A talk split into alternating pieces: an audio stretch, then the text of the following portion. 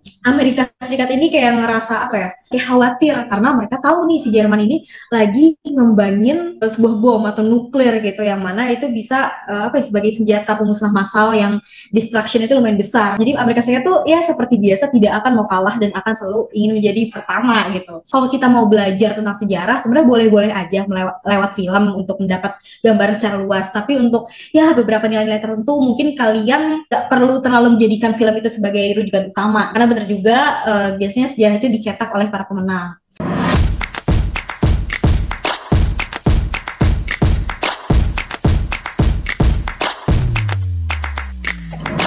Hai hai Interpelagis, kembali lagi di podcast Interpelago Eklekeli Tinggal Beli dengan gue Anggita Sabila yang akan menjadi moderator pada podcast kali ini. Wih. Nah, kali ini kita akan uh, membahas tentang kupas tuntas film Oppenheimer dalam kacamata hubungan internasional. Karena kalau yang kita tahu Oppenheimer ini kan filmnya tuh kayak tentang bom atom gitu kan fisika banget gitu. Nah ternyata guys dalam film tersebut kita bisa melihat banyak kacamata nih. Salah satunya uh, dalam kacamata hubungan internasional. Kali ini aku nggak sendiri dalam membahasnya karena kita sudah kedatangan speaker keren kita yaitu Kak Kintan Nazafira Halo Kak Kintan Halo Anggita. Halo, wih Kak Kintan. Gimana kabar Kak Kintan? So great. Anggita wih. gimana? Alhamdulillah aku baik kak, gitu. Tambah baik karena ngeliat Kak Kintan nih di podcast kali ini, asik. Nih teman-teman, Kak Kintan ini merupakan mahasiswi hubungan internasional angkatan 20 dan aku lihat nih Kak Kintan tuh lagi banyak banget kesibukannya di di uh, semester akhir gitu ya kak. Nah boleh mungkin bisa dikasih tahu nih kak kesibukannya apa sih sekarang ini? Oke sebenarnya nggak sibuk-sibuk banget ya karena juga nggak harus di semester akhir teman-teman interpel gue di sini juga pasti pada sibuk dan tentunya juga punya cara yang seru. Kalau aku karena di semester 8 ini insya Allah semester terakhir ya guys doain. Aku hmm. sih lagi sibuk untuk kayak nyusun-nyusun dan akhir sambil menikmati kesenggangan juga karena udah gak ada mata kuliah dan sambil magang juga di Kementerian Luar Negeri. Tuh. Jadi hmm. sih kesibukan aku. Oh sama mungkin ada organisasi-organisasi juga sambil ngisi-ngisi kekosongan. Wih, mantep banget teman-teman. Kayak udah magang, ngurusin organisasi juga, ngurusin skripsian juga. Jadi kayak semangat Kang Kintan ya kita doain semoga diberikan kelancaran dan juga bisa lulus tepat waktu gitu ya Kak Kintan. Amin. Amin. Nah, tadi kan aku udah spill-spill sedikit kita bakal ngebahas apa gitu kan. Kita bakal nih ngebahas film yang sempat booming tahun 2023, tepatnya tanggal 19 Juli gitu ya, uh, tayang di Indonesia, yaitu film Oppenheimer. Nah, dari Kak sendiri tuh sebelumnya udah pernah nonton belum sih film ini gitu? Udah, pas itu aku nonton di bioskop banget. Aku langsung tertarik karena dari lihat trailernya juga udah kayak kayaknya menarik ini. Soalnya juga latar kayak latar latar HI banget gitu lagi yeah, perang yeah. dunia dua. Jadi kayak nggak mungkin aku nggak nonton gitu. Jadi itu pas masih awal awal rilis banget akhirnya aku nonton. Karena kalau kelamaan takut keburu dapet spoiler kan. Jadi mm, langsung nonton. Kalau kita sendiri gimana? Udah nonton filmnya aku udah nonton awalnya tuh nggak terlalu tertarik gitu kak. Tapi diajak gitu kan nah pada soalnya aku mikir aduh fisika banget kan gue kayak nggak terlalu suka bukan terlalu nggak terlalu suka ya saya nggak terlalu paham gitu tentang fisika gitu. Ternyata pada saat nonton eh kok HI-nya berasa juga ya gitu pas nonton itu gitu. Kak kita sendiri gimana pada saat nonton itu ngerasa gimana gitu? Pada saat nonton film Oppenheimer gitu kan tiga jam ya kan nonton itu. Ya itu lama banget sih. Dan pusing juga. Tapi lebih pusing kayak bagian fisika fisika aja itu aku banyak yang agak sedikit off sebenarnya kayak oh tadi itu apa? Namanya aneh-aneh gitu yang gak sering kita denger. Tapi di lain sisi juga untuk timelinenya terus uh, perkembangan alurnya dan segala macam. Terus dari karakter karakternya juga keren-keren banget sih. Terus juga pertamanya Thomas Shelby kan. Eh Thomas Shelby. Pokoknya dulu pernah main Thomas Shelby waktu jadi aku yeah, juga yeah. udah familiar gitu kasih Kak Kintan. Nah, uh, yang bikin menarik dari film ini tuh ternyata adalah kita tuh bisa melihat dan juga dibawa gitu ya sama produsernya gitu kan sama film ini. Kayak bahasanya tuh kita tuh nggak cuman melihat dalam sisi kacamata nih proses pembuatan atomnya tapi kita bisa melihat sisi uh, lain dari si Oppenheimer ini gitu kan. Dan kita juga bisa lihat bahwasanya oh ternyata alasan kenapa mereka bikin bom atom itu kan karena uh, awalnya tuh takut ketakutan kayak ngerasa security dilemanya Amerika gitu kan. Yang mana tuh uh, dia tuh melihat bahwasanya nih Jerman udah persiapan nih membuat bom atom gitu kan ya kan. Nah, akhirnya uh, Amerika akhirnya membuat Project Manhattan Project gitu kan yang akhirnya menimbulkan dan menciptakan bom atom gitu yang um, bisa bilang itu cukup menghentikan ya uh, perang dunia kedua gitu kan dengan dijatuhnya uh, bom di Hiroshima dan Nagasaki. Nah, kalau menurut Kak Kintan ini bagaimana Kak uh, soal reaksi Amerika uh, terhadap kayak masih perkiraan nih kalau Jerman itu kira-kira mau uh, mau bikin uh, project bom atom kayak gitu kak?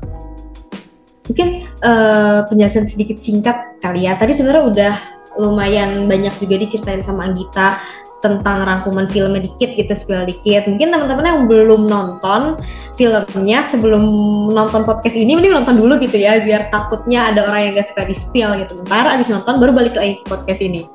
Betul. Jadi, uh, Betul. Jadi peran utamanya di sini kan ada namanya Julius Robert Oppenheimer. Jadi Oppenheimer itu diambil dari nama peran utamanya ini, di mana dia itu di situ uh, pekerjaan itu sebagai fisikawan. Nah, tapi dari sejarah sebelum dia jadi fisikawan, dia itu pernah belajar di Jerman kan. Nah, pas dia belajar di Jerman tentang fisika ini, nah kebetulan saat itu Jerman juga negaranya memang lagi apa ya, lagi proses pembuatan apa ya? Kayak bom atom juga gitu. Itu tuh dia mereka mengkaji teori namanya mekanika kuantum. Pokoknya itu doang yang aku nggak tahu, yang aku tahu. Selebihnya aku nggak ngerti lah fisika-fisika itu. Kita lebih ngomongin HI-nya aja kali ya di sini. Ya intinya itu tuh uh, pas filmnya itu sebenarnya range timeline itu lumayan luas karena dari dari si Oppenheimer masih muda sampai ya jenjang karir seterusnya tapi tuh poin-poin utamanya itu ada di zaman-zaman perang dunia kedua juga sih itu yang serunya dan itu kita ngelihat bagaimana uh, persaingan antara Amerika Serikat dan Jerman yang saat itu menjadi oposisi dalam Perang Dunia Kedua. Nah, terus uh, Perang Dunia eh Perang Dunia ini film ini juga mengingatkan kita sama teori-teori hubungan internasional yang kita belajar di kelas ya sih khususnya itu teori realisme. Betul. Yang kita ingat. Iya, ingat.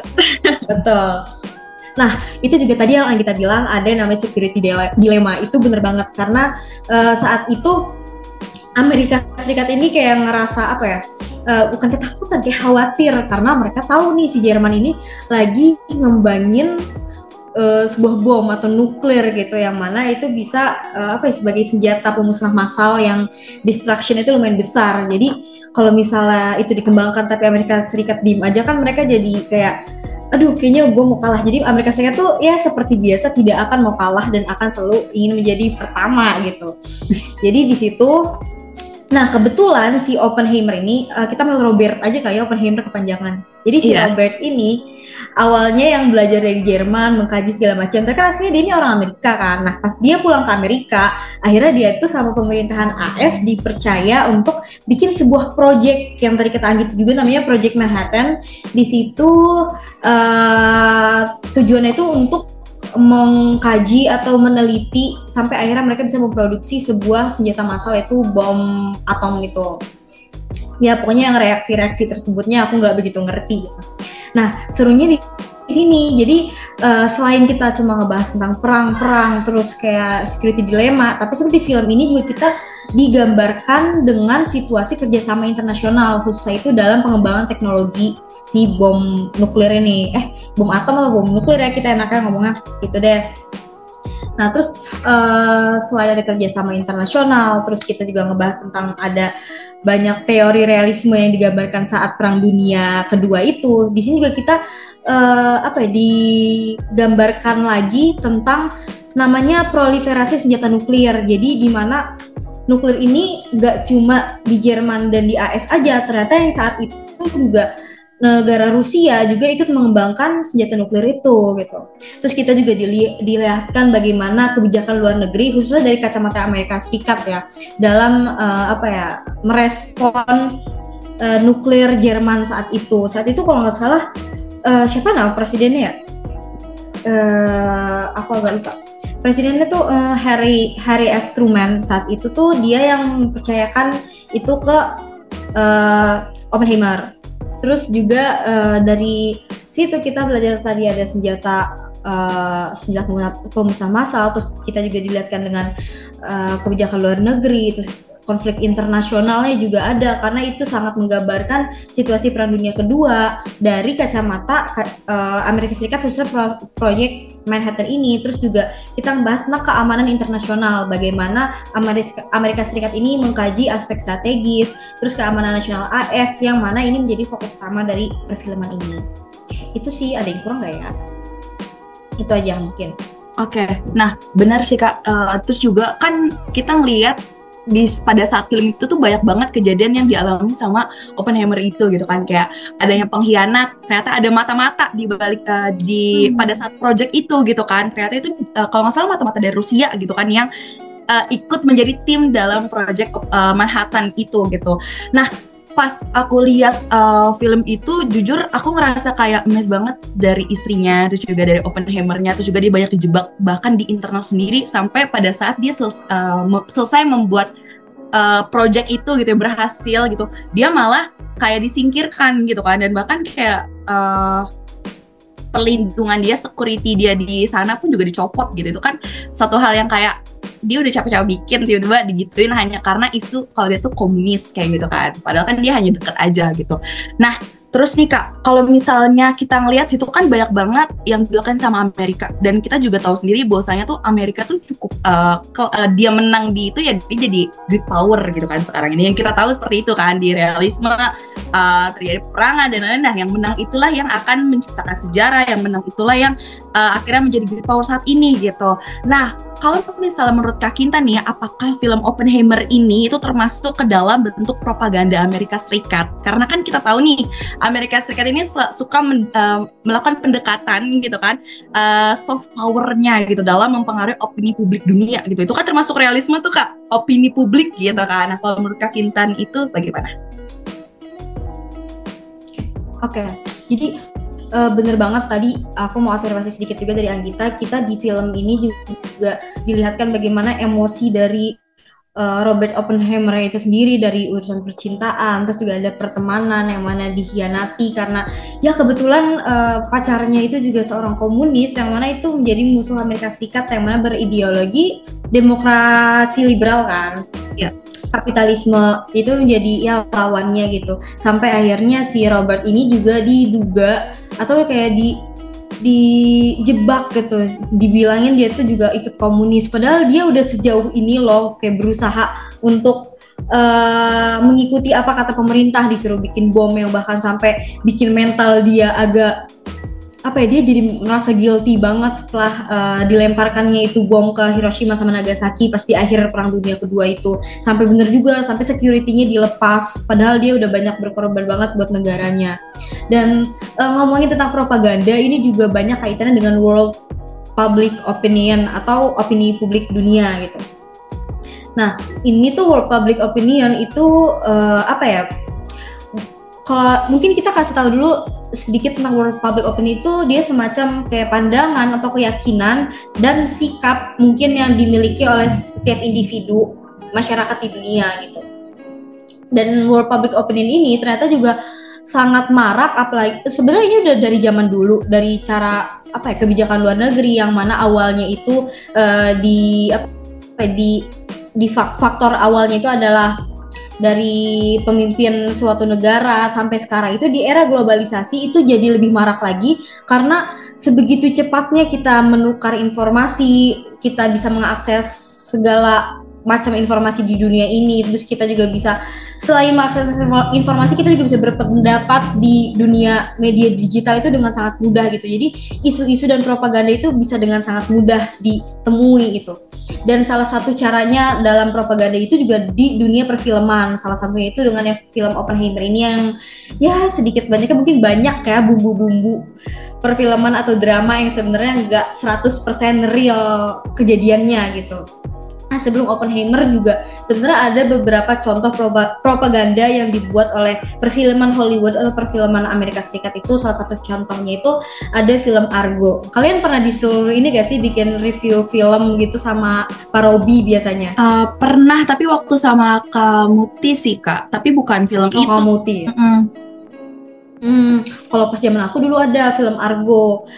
Kalau Argo itu dia uh, latar belakangnya eh latar situasinya itu pas lagi revolusi Iran. Jadi tuh di situ diceritain juga dari kacamata Amerika Serikat di mana uh, apa ya staff-staff dari US embassy di Tehran itu disekap atau dijadiin sandra gitu. Padahal eh, nggak uh, cuma itu gitu permasalahan dari dari kejadian saat itu, tapi karena dibuat oleh Amerika Serikat, jadi semuanya itu berdasarkan kacamata Amerika Serikat. Jadi sehingga kita itu menjadi sangat pro dengan Amerika Serikat, yang mana menjadi protagonis di filmnya, dan itu berkaitan juga sama Oppenheimer ini. Jadi kita banyak uh, berpikir bahwa oh Amerika Serikat di sini yang baik gitu loh, Amerika Serikat ini yang protagonis yang dimainkan oleh si Robert Oppenheimer ini dari kacamata mereka tentang uh, pengeboman Jepang, terus kalahnya Nazi saat itu, itu semuanya berdasarkan Amerika Serikat. Jadi ya kalau dibilang propaganda atau enggak mungkin. Aku nggak bisa bilang iya ya mungkin. Jadi itu tergantung kita mengemasnya aja gitu dalam menonton sebuah film. Ya jangan ter kalau kita mau belajar tentang sejarah sebenarnya boleh-boleh aja melewat lewat film untuk mendapat gambar secara luas. Tapi untuk ya beberapa nilai-nilai tertentu mungkin kalian nggak perlu terlalu menjadikan film itu sebagai rujukan utama gitu karena benar juga uh, biasanya sejarah itu dicetak oleh para pemenang. Nah, uh, kalau di film ini kan digambarkannya bahwa tujuan dari Amerika Serikat uh, membuat bom ini bahkan sampai uh, beneran dijatuhin tuh bom itu katanya ini untuk mengakhiri segala perang saat itu yaitu perang dunia kedua memang berakhir tapi kan kita juga tahu selanjutnya itu nggak benar-benar berakhir perangnya tapi juga setelah itu ada perang dingin jadi itu selain mengakhiri perang dunia kedua tapi itu juga menjadi sumber salah satu faktor latar belakangnya perang perang dingin gitu.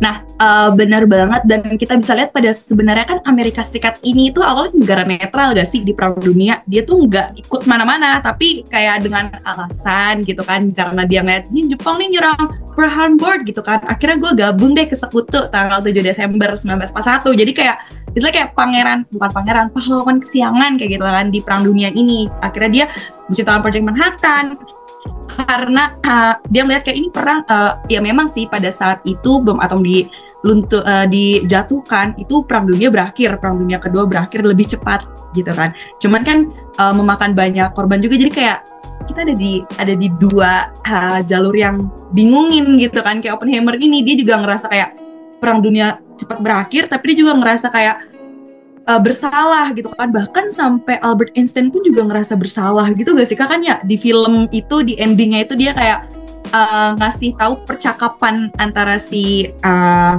Albert Einstein dan juga uh, Oppenheimer-nya yang bikin uh, overthinking siapa tuh lawan politiknya gitu yang sampai dia ngefitnah Oppenheimer itu. Itu kan dia bilang kalau apa sih kalau misalnya dia tahu gitu kan uh, Jerman itu gagal gagal menciptakan menciptakan ini gitu kan. Ya dia nggak bakalan menandatangani project ini gitu kan. Ya namanya juga sudah terjadi gitu kan. Nah tadi aku juga mention bahwasannya kayak film-film sejarah kayak gini tuh mungkin bisa untuk kita belajar sejarah gitu ya kak. Tapi jangan jadi ini tuh 100% kita belajar sejarah dari film itu gitu ya kak kak? Ya benar. Nah Betul. Uh, nah benar sih. Karena kalau misal kita lihat ya teman-teman ini nggak cuma di Amerika Serikat aja gitu ya kak. Propaganda itu sering terjadi. Bahkan kayak tadi film apa kak? Argo. Argo ya uh, itu uh, terus juga ada film Rainbow. Teman-teman tahu gak sih film Rainbow itu kan juga propaganda Amerika untuk nutupin kekalahan dia melawan Vietnam gitu kan di perang Vietnam gitu. Itu kan salah satu propaganda. Jadi kayak atau teman-teman yang mau nonton mau belajar sejarah mungkin gak hanya film aja gitu ya kak tapi belajar juga sejarah aslinya itu gimana sih gitu. Jadi biar lebih tahu gitu. Nah, aku mau nanya juga nih kak, kalau misalnya kak Kinan sendiri tuh ada gak sih kayak uh, mungkin saran-saran uh, film-film yang bisa ditonton gitu kak untuk belajar sejarah, mungkin yang sejalan juga sama Oppenheimer juga untuk kita nih anak HI untuk belajar hubungan internasional biar lebih menyenangkan gitu. kalau ngomongin rekomendasi film tadi yang aku sebutin juga sebenarnya seru Argo. Jadi tapi dia itu nggak yang bener-bener ngomongin perang-perang-perang mulu. Jadi ya buat kalian yang mungkin bukan anak HI dan yang nggak begitu suka perang juga masih bisa enjoy gitu untuk nontonnya. Tadi Argo itu tahun 2012 kalau nonton filmnya. Terus ada juga film The Day The Day After Tomorrow. Jadi kalau itu kan kalau kita ngomongin propaganda itu biasanya di apa ya di cenderung itu hal yang negatif itu konotasinya tapi sebenarnya propaganda juga bisa menjadi hal yang positif salah satu itu dari film The Day After Tomorrow ini di mana dia itu menggambarkan tentang apa ya kesadaran untuk menjaga lingkungan gitu. So, kalau nggak salah itu tuh filmnya itu tentang sebuah ada orang meneliti gitu di Atlantik Utara di mana di situ tuh terjadi climate change di mana suhu air di Atlantik Utaranya itu udah mulai naik gitu sehingga es-esnya tuh cair. Tapi kayak orang-orang di film itulah pemerintah-pemerintah pada nggak percaya sama si pemeran utamanya ini sampai akhirnya ya terjadilah banyak tuh uh, global warming di mana-mana dan semuanya orang-orang tuh baru kayak tersadarkan atas hal ini gitu. Jadi uh, propaganda itu nggak selalu apa ya termsnya itu hal yang negatif tapi bisa juga untuk uh, mengajari atau mengajak uh, orang-orang tuh untuk lebih sadar akan sesuatu hal yang lebih positif kayak gitu. Ah, I see. Benar-benar banget. Jadi banyak gitu ya guys, nggak cuman ini aja nih. Nah, BTW Kak, aku juga keingat sama yang tadi Kak kan Kakak sempat uh, mention proliferasi nuklir gitu ya kan Kak? Nah, aku mau nanya nih kak, kalau menurut kakak sendiri, apakah film Oppenheimer ini tuh menyoroti, menyoroti gitu isu-isu kontemporer kayak seperti tadi tuh resiko proliferasi nuklir atau pengawasan senjata dalam konteks hubungan internasional saat ini? Oke, jadi tentang proliferasi nuklir namanya susah ya. Proliferasi nuklir ini juga cukup digambarkan dengan jelas gitu di film ini, di mana ya ini tuh menjadi peran utamanya gitu peran kunci dalam film ini adalah si nuklir ini loh si bom ini yang mana dia itu merupakan senjata pemusnah massal yang sangat berbahaya. Bahkan sampai hari ini pun itu dianggap hal yang berbahaya. Dan setelah perang dunia dua ini yang mana ini kan menjadi pencetak sejarah pencetak sejarah pencatat sejarah lah si nuklir ini. Jadi setelah Perang Dunia II, akhirnya semua negara itu kan menjadi merasa terancam, semua negara merasa tidak aman dengan adanya si nuklir-nuklir ini yang dimiliki oleh negara-negara superpower. Akhirnya tuh negara negara-negara saat itu setelah Perang Dunia Kedua itu membuat sebuah traktat namanya Non-Proliferation Nuclear Treaty atau NPT.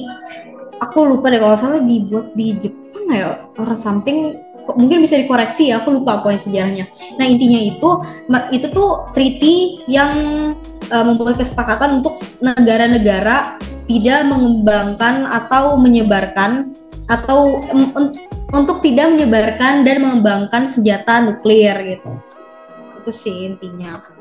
Dan sampai sekarang ya walaupun mungkin banyak juga kontroversi tentang treaty NPT ini tapi sampai sekarang ini masih ada sih treaty-nya setahu aku ya. Karena sampai sekarang juga makanya kenapa udah nggak ada lagi perang-perang senjata konvensional. Ya salah satu alasannya itu karena sekarang udah ada uh, eh, NPT itu. Di mana ya untuk untuk negara-negara yang mungkin punya kayak nggak boleh dipakai. Mungkin sekarang mereka memakai itu untuk uh, ya sebagai keamanan negaranya aja. Tapi nggak untuk di jatohin lagi gitu. Ah, I see. Nah, jadi kayak dari situ kita bisa lihat bahwasanya dari film ini tuh kita jadi lebih belajar uh, banyak sejarah lagi kalau misalnya kita mau ngulik itu gitu ya kan, Kak? Nah, ya, ya benar menarik banget nih teman-teman. Nah, jadi uh, kita bisa lihat bahwasanya tuh kita sebagai anak hubungan internasional tuh bisa aja menikmati film ini karena ternyata kalau misalnya kalian tonton tiga jam itu gitu dan nonton bener-bener nonton gitu ya, kita lihat bahwasanya tuh haknya tuh banyak gitu guys. Kita bisa melihat banyak kayak sisi-sisi dari uh, aktor uh, negara, aktor non negara itu juga terlibat dalam film ini eh dalam uh, film ini dalam sejarah ini gitu ya kan Kak Kintan.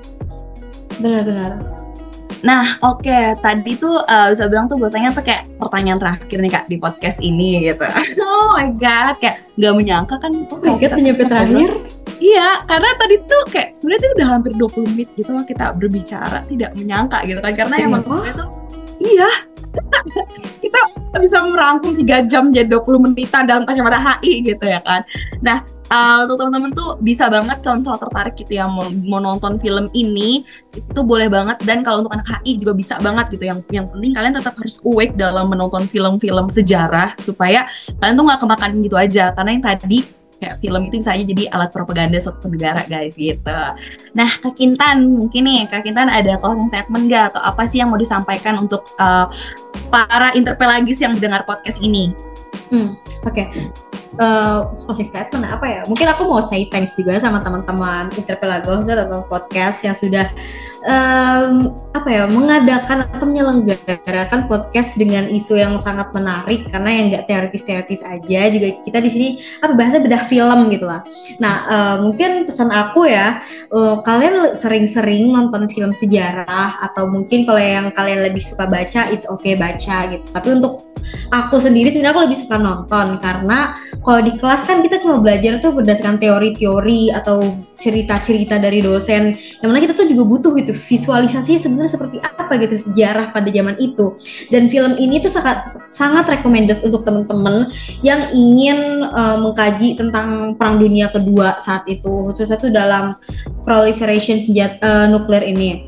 Karena juga di sana banyak menggambarkan visualisasinya itu dengan visual effect yang sangat menarik juga. Terus karakter buildingnya punya Oppenheimer ini juga bagus gitu. Jadi seakan-akan kita juga ikut tenggelam dalam filmnya gitu.